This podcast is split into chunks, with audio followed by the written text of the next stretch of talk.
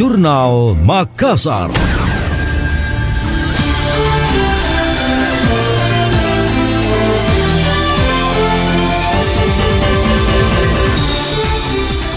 Badan Pendapatan Daerah Sulawesi Selatan menghapuskan denda pajak kendaraan bermotor PKB dan menghapus pajak progresif kendaraan bermotor umum angkutan orang.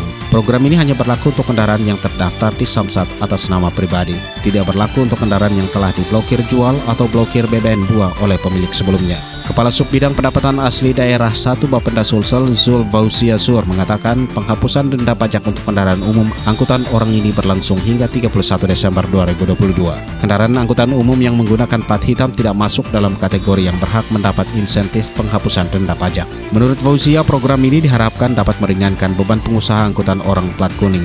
Selain itu, Bapenda Sulsel juga melakukan penghapusan tarif progresif kendaraan bermotor angkutan barang. Pembebasan tarif progresif ini berlaku untuk kendaraan angkutan barang yang terdaftar atas nama pribadi seperti pick-up, light truck, blind van, dan sejenisnya.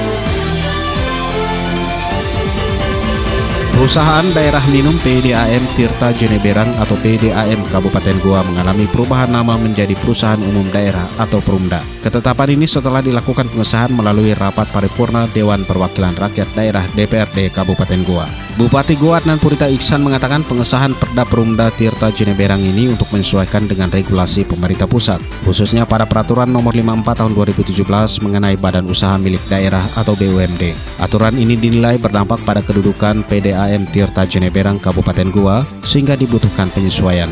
Adnan berharap Perumda Tirta Jeneberang bisa mendongkrak kinerja khususnya pendapatan asli daerah PAD. Sekretaris Panitia Khusus DPRD Kabupaten Goa Muslimin Daeng Mile saat membacakan laporan mengatakan, sebelum disahkan perda tentang Perumda Tirta Jeneberang sudah dilakukan pembahasan, pengkajian, pendalaman, dan kunjungan kerja terlebih dahulu.